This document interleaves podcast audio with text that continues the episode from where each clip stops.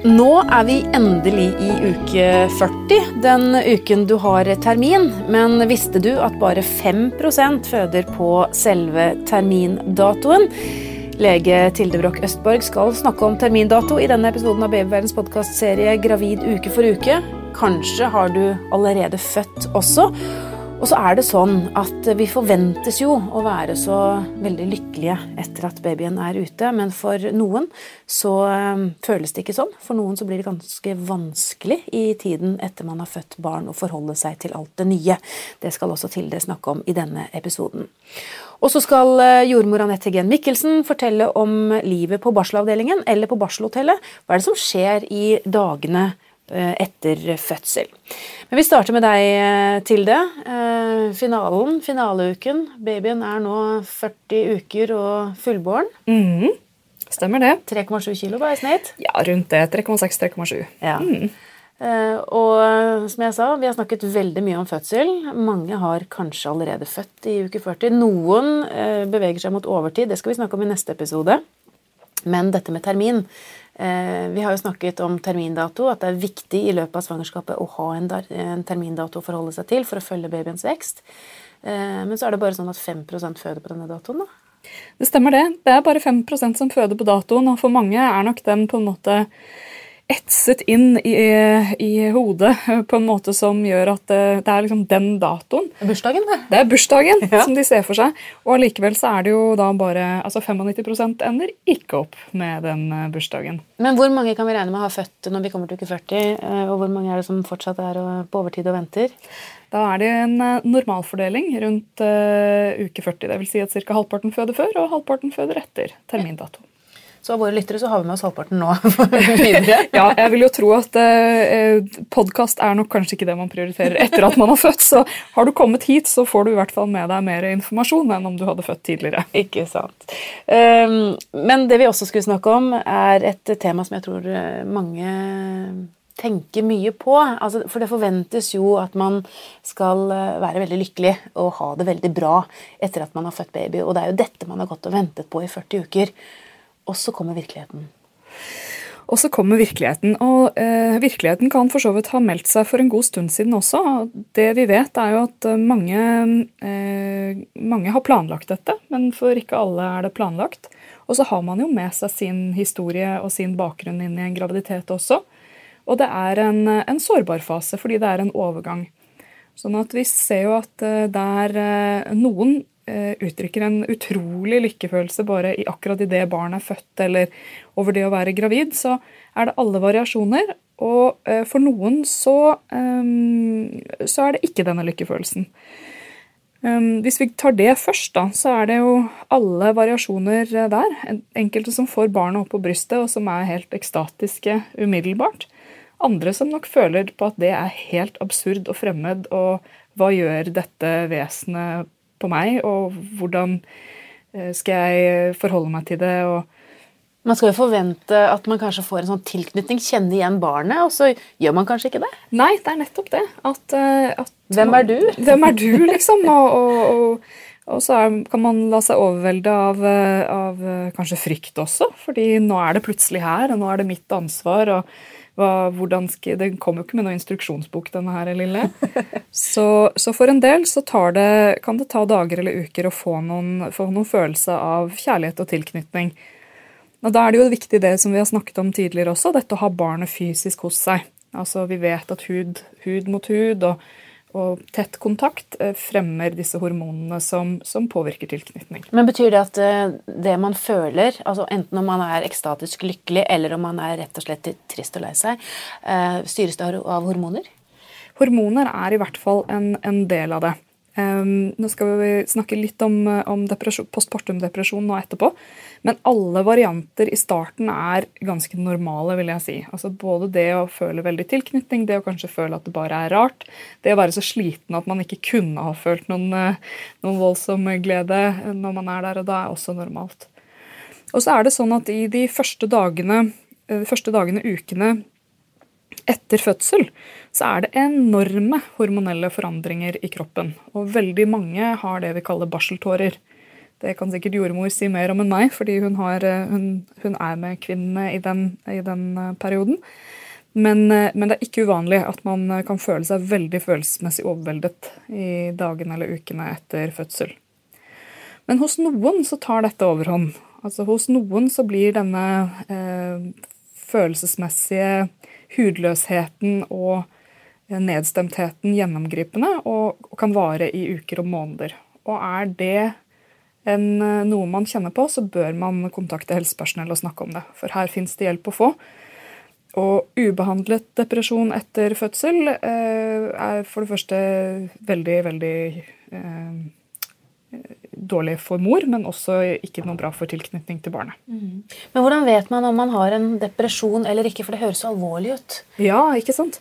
Eh, og, og, det kan være litt ugjenkjennelig også, fordi det er så mange ting i livet som har blitt annerledes. Men typiske tegn er nedstemthet, eh, mye gråt, katastrofetanker, bekymringer. Eh, endret søvnmønster har man jo pga. ammingen, men det at man Altså søvnløshet manglende interesse i barnet, manglende interesse i, i, mat eller omgivelser. Ofte så er det omgivelsen som plukker opp på det først, fordi mor er så inne i sin egen boble. Men når eh, tenker du at man bør be om hjelp? Hvor langt skal det gå? Jeg tenker ikke at det skal gå så veldig langt. Jeg tenker at man bør, eh, bør snakke med jordmor eller lege om dette eh, på helsestasjonen hvis man kjenner på følelser som minner om det jeg har snakket om nå.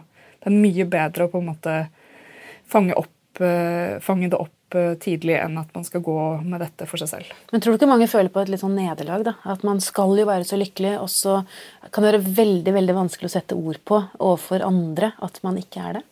Det tror jeg absolutt. Eh, vi har en samfunnsmessig forventning rundt oss om at vi skal være ekstatiske etter, eh, etter fødsel. Og mange som ikke føler det sånn. Men det er ikke noen Det er ikke noe, bør ikke være noe personlig nederlag. Dette er kan ramme hvem som helst, fra de aller mest ressurssterke Ja, egentlig alle kan rammes av en sånn uh, fødselsdepresjon. Så dette håper jeg at vi kan redusere tabu rundt. Og ved å snakke om det, så, så, kan vi vel også slå fast at både jordmor og leger de har hørt uh, disse historiene før.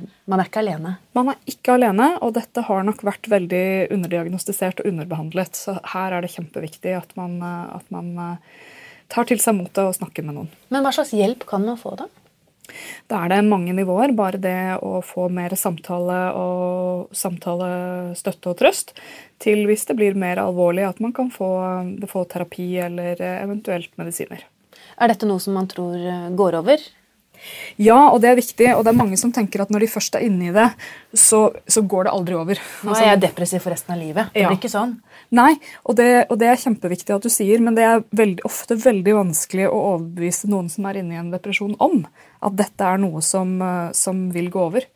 Men det går over, men det kan bli mer langdrygt enn det trenger å være hvis man ikke søker hjelp. Ok, Så moralen er søk hjelp i tide. Du er ikke alene, og det er hjelp å få. Yes. Godt å høre. Takk skal du ha, Tilde Broch Østborg, legen vår. Og jeg må jo da legge til at vi har egne episoder om eh, fødselsdepresjon på, på Babyverden-podkast også. Så hvis du ønsker mer informasjon, så er det masse informasjon å få. Vi skal snakke med jordmor Anette Gen Mikkelsen etter pausen om livet på barselavdelingen eller barselhotellet, der hvor du ender opp etter fødselen. Hva er det som skjer egentlig i dagene etter fødselen?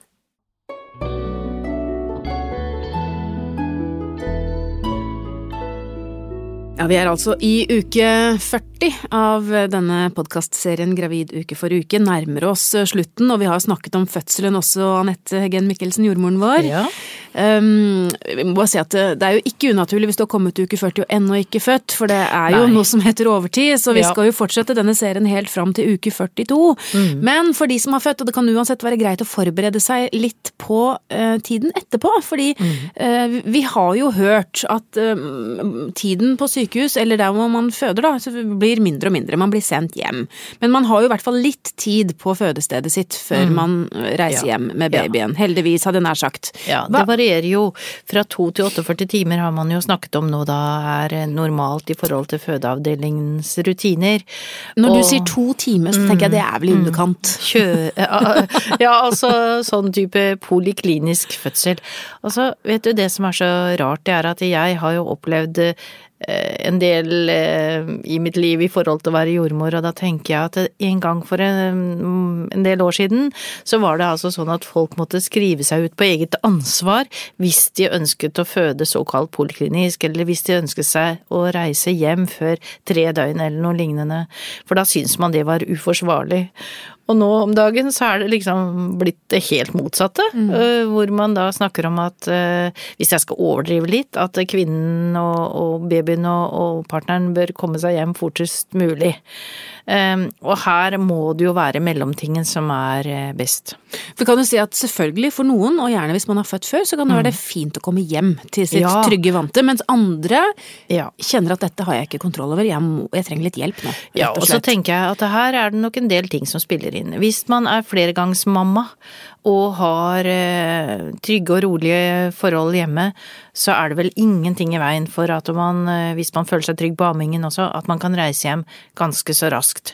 Etter at det da eventuelt er gjort en barnelegekontroll, altså den er jo frivillig, men de aller fleste vil jo ha med seg det, og det syns jeg jo er forsvarlig, at man får en doktor til å se litt på hvordan babyen har det, eh, og gjør en undersøkelse, sånn kroppslig altså, av mm. babyen. Og det, Dette har vi snakket med Tilde ja. om for det er jo en del ja. ting man skal og bør gå igjennom. Og det er lurt. Og det er prøver mm. også som skal tas av babyen. Ja, følgingsprøve og sånn, som yes. dere sikkert har snakket med doktoren om. Ja, vi skal snakke om det i uke 42, den aller siste episoden av, av denne serien. Da skal vi snakke om de undersøkelsene som legene tar, og, og hvorfor de gjør det. Men eh, jeg tenker at hvis man er Eh, førstegangsfødende, så bør man nok benytte anledningen å være der så lenge som mulig, tenker jeg da. Og det har rett og slett noe med at det tar litt tid før rammingen kommer i gang, man trenger litt hjelp og veiledning på akkurat det. Og det er jo sånn at man trenger å hvile seg litt, og ta seg inn litt, og bli kjent med den nye babyen. Eh, både den som er født, og partner trenger å, å ha Eh, litt tid sammen og litt ro rundt situasjonen. Er det ofte sånn at man glemmer partner, fordi eh, partner har jo også vært igjennom en, en, stor opplevelse? Ja, det er et tema som man har veldig lett for å glemme. At uh, den som er partner, har jo stått ved siden av den som har født, da, og vært til stede i situasjonen, og mange føler seg veldig ubehjelpelige i forhold til å se at kjæresten, kona, Eh, alt ettersom, eh, har hatt det veldig vondt og hatt en tøff opplevelse. Eh, og så er det klart, det er jo tøffest å føde, men jeg tror jo at det kan være ganske tøft å stå ved siden av også og bivåne det hele, da. Mm. Og vi har lett for å glemme det, og vi har lett for å ikke ta det opp i etterkant eller respektere at den som er partner, også kan ha behov for å snakke seg gjennom og bearbeide følelser rundt denne fødselen. Og så må vi også si at uh, vi lever jo i et landstrakt land. Mm. Det er store fødesteder, og det er små fødesteder. Og man mm. får ulikt tilbud etterpå. Noen er mm. heldige, hvis vi kan kalle det det, og får komme ja. på hotell. Ja. Uh, hvor man kan ta med seg partner og nærmest uh, ja, altså slappe av på et hotellrom. Mm. Mens andre kanskje må bli boende på sykehuset i flermannsrom. Ja. Uten partner. Ja, og det gir jo ingen privathet å bo på flermannsrom, og da kan man jo også i, for å si det sånn, for å si det litt fleipete, bli plaga av naboens pårørende. Eh, det er nok dessverre en sånn situasjon hvor når man ligger mange sammen, så kan jo kvinnene og, og barna være i forskjellige typer rytmer, og hvis nabo, eh, den kvinnen som ligger i nabosenga har besøk i en periode hvor man ellers ville hvile og sånn, så kan jo det være litt vanskelig. Mm. Og derfor har man innført, og det kan virke litt ulogisk for, eh, for noen, men man har innført eh, hviletid på en del avdelinger hvor det er besøksforbud i en periode, rett og slett for at alle skal prøve å få ro. Mm. Og det er jo noe man har kjent til til alle tider, at kvinner som har født, trenger å ta seg igjen, og trenger å få ro. Og så har man jo selvfølgelig da sett eh, at man i gammel tid hadde seks uker, eller hva Man lå i senga i seks uker! Mm. Og det var sikkert ikke bra i det hele tatt, med tanke på blodpropp og annet som kunne oppstå. Men, men det er klart at det, å respektere at man ikke er helt seg selv med en gang igjen. Man skal ikke sette på en vask etter eh, tre timer, altså. Mm. Men jeg husker at uh, for førstegangsfødende i hvert fall, så er det jo mm. alt nytt. Mm. Alt fra det å på en måte holde en baby riktig, til å skifte bleie, til å bade. Mm. Altså for meg i hvert fall så var det helt overveldende. Jeg ja, ante jo ikke hvor jeg skulle begynne. Helt sikkert for de fleste. så hvis mm. man har litt begrenset med tid, hvis man mm. vet at man, man holdt på å si må hjem da, etter et gitt antall timer eller dager, hva er det viktigste man skal spørre om hjelp til? Ammingen, tenker jeg. Altså, eh, det er det at eh, Jeg tenker at eh, det er vel ingenting som gir så stor frustrasjon som den situasjonen hvor man kommer hjem og har en baby som ikke suger godt, som skriker hele tiden, man har såre brystvorter, man har følelsen av at denne babyen ikke ikke får i seg mat. Altså at, slett, at, man rett og slett ikke klarer å gi barnet nok mat. Det er vel den største frustrasjonen og, og det som bidrar til mest problemer for de nye foreldrene, tror jeg. Mm. Vi skal snakke enda mer om, om amming i, i, neste episode også, men mm. man kan vel også da benytte anledningen til å altså, få hjelp til noe så enkelt som å se hvordan man skal bade etter barn? Ja. For det er jo spesielle måter mm. å holde på, kanskje, mm. og mm. Ikke sant? Altså, det, det, er mye Alt er jo nytt for en førstegangsfødende. Ja, og derfor så er det gjerne et brukbart opplegg på fødeavdelingene rundt omkring i forhold til at barnepleierne, som har en veldig viktig jobb i denne sammenhengen, eh, at de viser badestell, at de viser hvordan man kan holde babyen, eh, hvordan Og barnepleiere gir jo også god ammeveiledning veiledning sammen med jordmødrene. At uh, dette kan man jo si at det skulle vel gå av seg selv-varianten, men de aller fleste opplever jo at det kommer som et ganske stort sjokk, dette ansvaret man føler da, for å ha fått et nytt lite liv å, å ta vare på. Og så er det jo faktisk noe i det at man er litt i bobla, litt i tåka. Ja, absolutt. Og så skal man kanskje være det òg, da. For ja, for å... undervurderer vi det? Vi tenker liksom at nå er jeg ja, født, nå er jeg, gang, ja, nå er jeg i gang med livet, men man skal ja. rett og slett unne seg å mm. være litt i den bobla en stund, eller? Ja, det var derfor jeg sa det der litt tullete at man skal ikke sette på en vask etter tre timer. Nei. For man skal altså skjerme seg sjøl lite grann, og man skal gjerne ha senga som nærmeste tilholdssted og, være der i hovedsak, men selvfølgelig begynne å gå og bevege seg litt rundt og sånn. Det er jo ikke sunt å bare ligge rett ut heller. Men kjenne på hva man, hva man behøver sånn kroppslig. Altså hvile seg og spise godt og drikke godt, fordi at når man nå etter hvert skal amme, og det produseres mye melk, så er det jo viktig at man får i seg nok væske. Ehm, jeg tror at man må passe godt på at man ikke tar hastverket inn i en, eh, i en barselstue, for å si det sånn. Så kan det kanskje være lurt å tenke på at disse dagene her får man aldri igjen, så bare nyt det mens du kan, for det blir Nei. travelt tidsnok. Ja, så man får eh, gjort det man skal, og så får man heller innkalle andre, da, som gjør de huslige tingene. Det er jo lov. Å eh, ta seg av barnet, og bare barnet. Og den viktigste jobben som en nybakt mamma kan gjøre, det er å sørge for å ta vare på seg sjøl, og så da selvfølgelig også ta vare på babyen i forhold til å eh, amme barnet. Skifte bleie, bade barnet osv. Så sånn kan alltids en annen person gjøre, gjerne nærmeste partner, men ammingen er jo det bare mammaen som kan bidra med. Takk skal du ha, jordmor Anette Gen Mikkelsen. Ehm, neste uke, i uke 41, litt på overtid, da skal vi snakke mer om, om dette med amming og om barseltiden. Hvis du vil ha mer og troverdig informasjon om graviditet og småbarnstid, finner du mange tusen artikler på babyverden.no. Last gjerne ned appen vår Gravid og barn, så kan du følge din babys utvikling uke for uke, både før og etter fødsel. I appen finner du også artikler, morsomme verktøy, gode tilbud og selvfølgelig også alle podkastepisodene våre. Som medlem i Babyverden får du også ukentlige nyhetsbrev med masse nyttig informasjon om både deg og babyen din, og tilgang til vårt populære diskusjonsforum. Våre medlemmer er også med i trekningen av flotte premier hver måned helt fram til barnet fyller ett år. Alt er selvfølgelig helt gratis. Det er også Babyverden som utgir Spedbarnsboken, som du kanskje har hørt om. Vi har gitt ut Spedbarnsboken gratis helt siden 1964, og den får du på de fleste sykehus etter at du har født. Men hvis du vil ha boken tilsendt i posten før fødsel, kan du bestille den via babyverden.no eller appen vår.